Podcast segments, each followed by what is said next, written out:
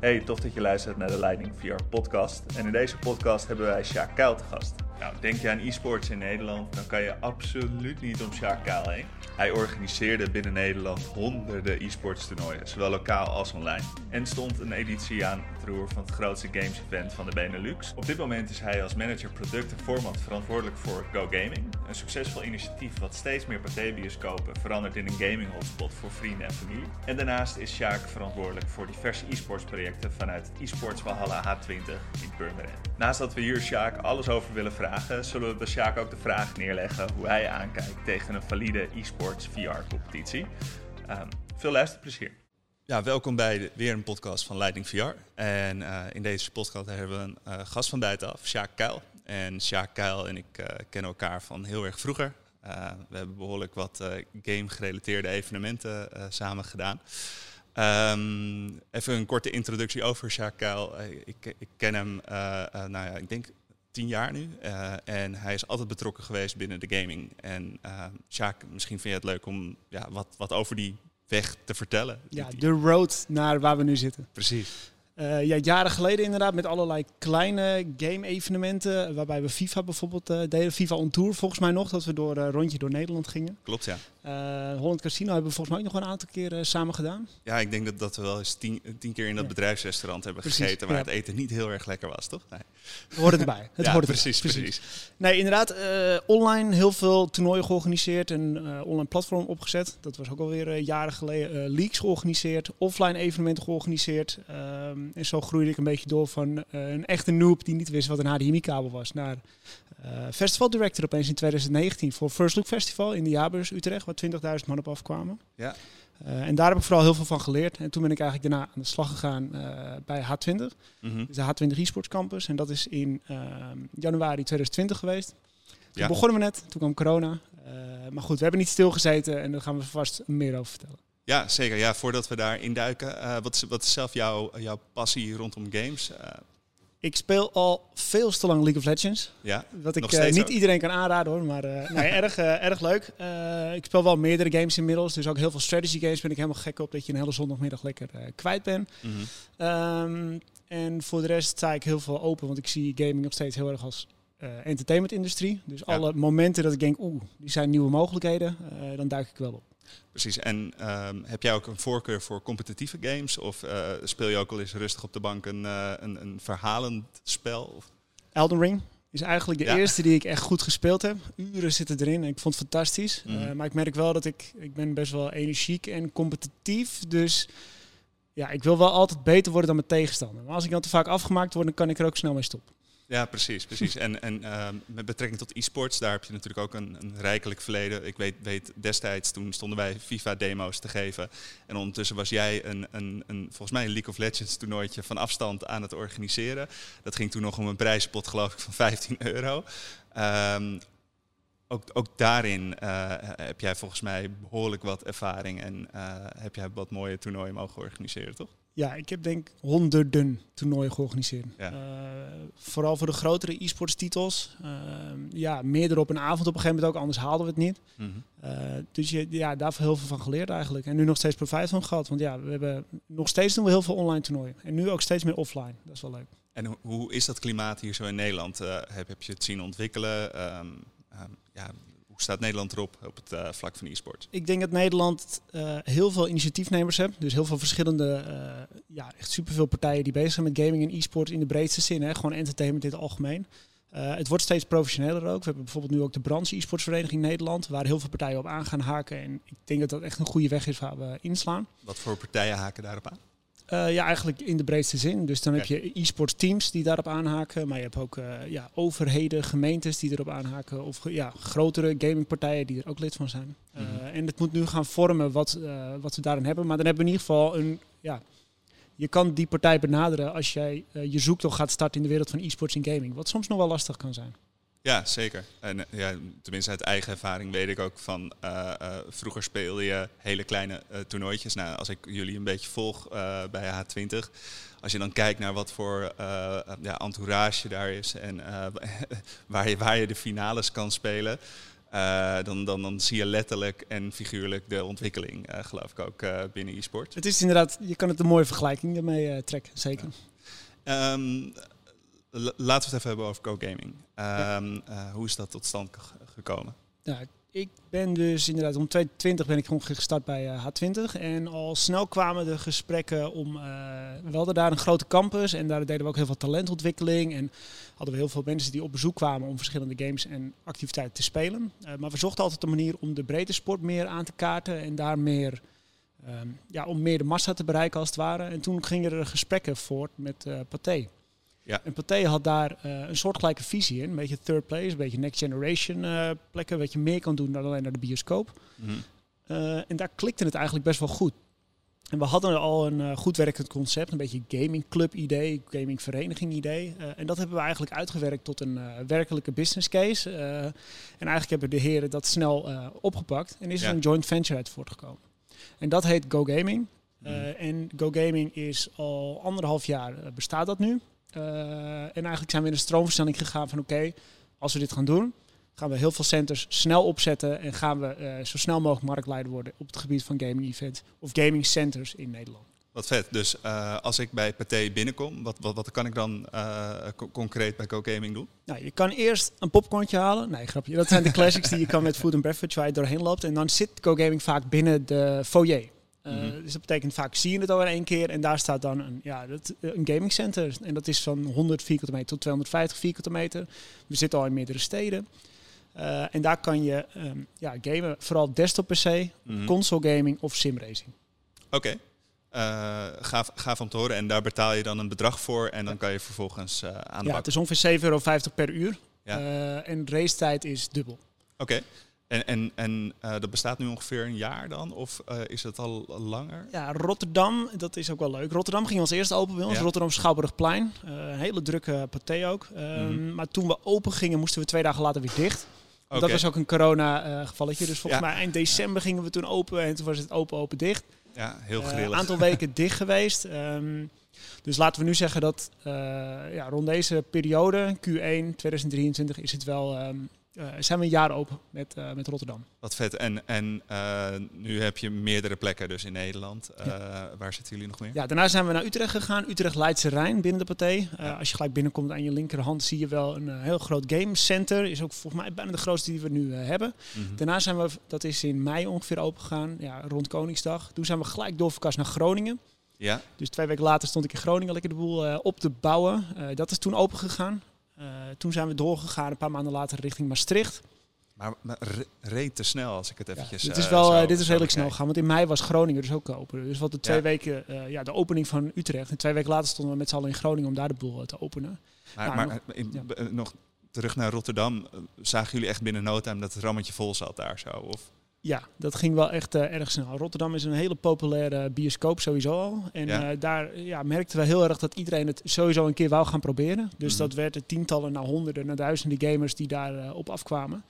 Ja, dat gaf natuurlijk wel motivatie om door te gaan. Plus, we wisten al dat we dit gingen doorbouwen. Dus we dachten, als we gaan doorbouwen, gaan we ook zo snel mogelijk doorbouwen. Dus dat was al vast. Het was niet dat Rotterdam een soort van pilot was en dat jullie uh, eerst gingen kijken van wat doet het in een grote stad. En dat, dat je dan vervolgens Utrecht erbij pakt. Het stond eigenlijk al geschreven van oké, we willen eigenlijk binnen zoveel mogelijk pathés over Nederland GoGaming gaan toevoegen. Ja, en landelijke dekking was erg belangrijk voor ons. Ja. Uh, we wisten al dat we inderdaad gingen doorbouwen. Dus uh, Rotterdam was een no-brainer omdat dat uh, ruimte beschikbaar had. Mm -hmm. um, en het ligt natuurlijk ook in de ruimte binnen de partij waar het beschikbaar is. Sommige bioscopen willen we heel graag, maar kan het bijvoorbeeld niet.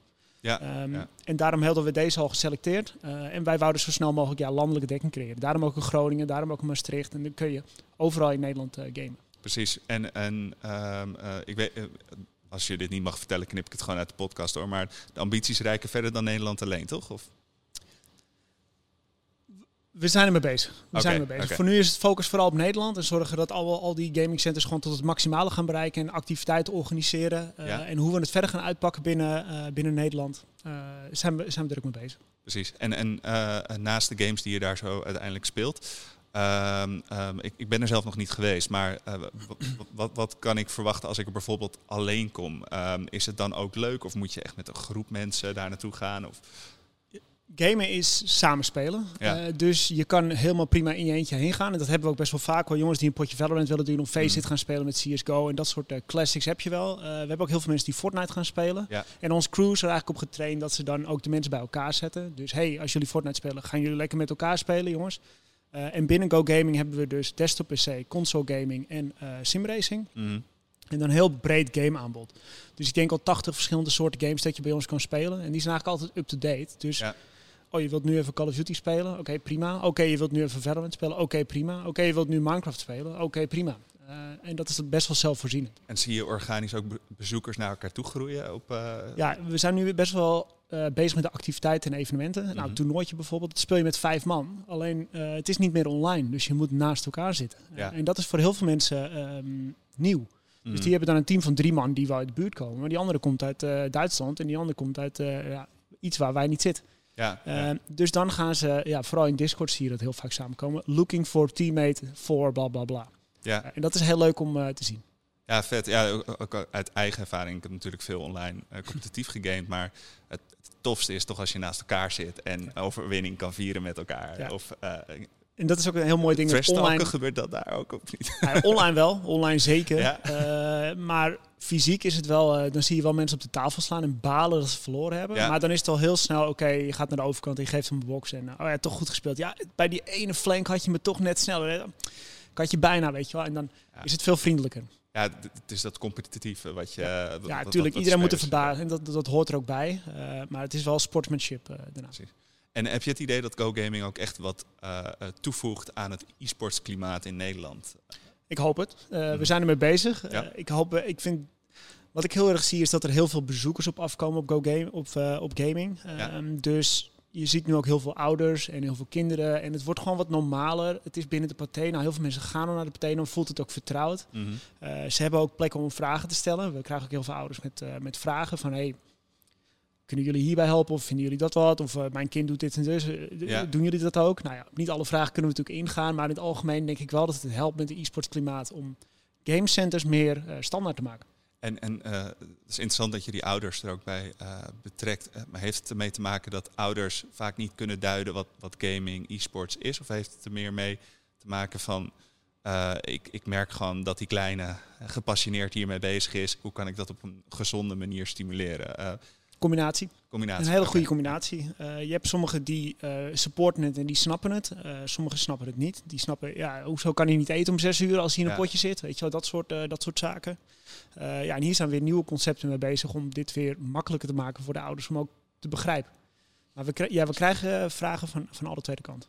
Gaaf dat het ook bewustwording creëert bij de ouders. Eh, dat is ook wel een, een en ze mooie- hebben ook een plek dat ze het zien. Ik bedoel, als jij... Ja, ze sturen hun kinderen naar een plek of ze blijven er zelf ook hangen. eh, maar die gaan dan Mhm. samen met andere mensjes spelen en gamen en gezelligheid. Dus Ja. En dan zien ze ook van, oh, dit is blijkbaar leuk. Weet je wel, terwijl je normaal je headset op hebt, zoals nu wij, dan we praten met elkaar. Dus voor het, nu zitten we naast elkaar, dus dat is Ja. wel leuk. Maar voor hetzelfde geld waren we eh, ergens anders. Ja, het is ook grappig dat, tenminste, ik ken ook mensen die je dan online via een game bent tegengekomen en dan kom je elkaar Heel een keer veel. in het echt tegen. En je merkt dat je binnen vijf minuten het heel normaal vindt dat je weer naast Ja. elkaar zit. En dat je elkaar toevallig wel een keer in de ogen kunnen aankijken, Ja. maar verder is het gewoon precies hetzelfde. Toch? Ja, en de stem, hè?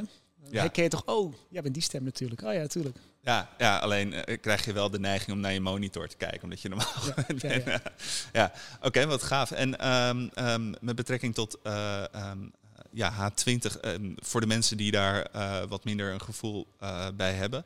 Ehm, eh, ja, ik volg jullie eigenlijk vanaf dat de eerste, ehm, eh, ja, hoe noem je dat, eh, paal in de grond werd Ja. geslagen. Maar ehm, waar, waar zijn jullie vanuit H20 mee bezig dagelijks?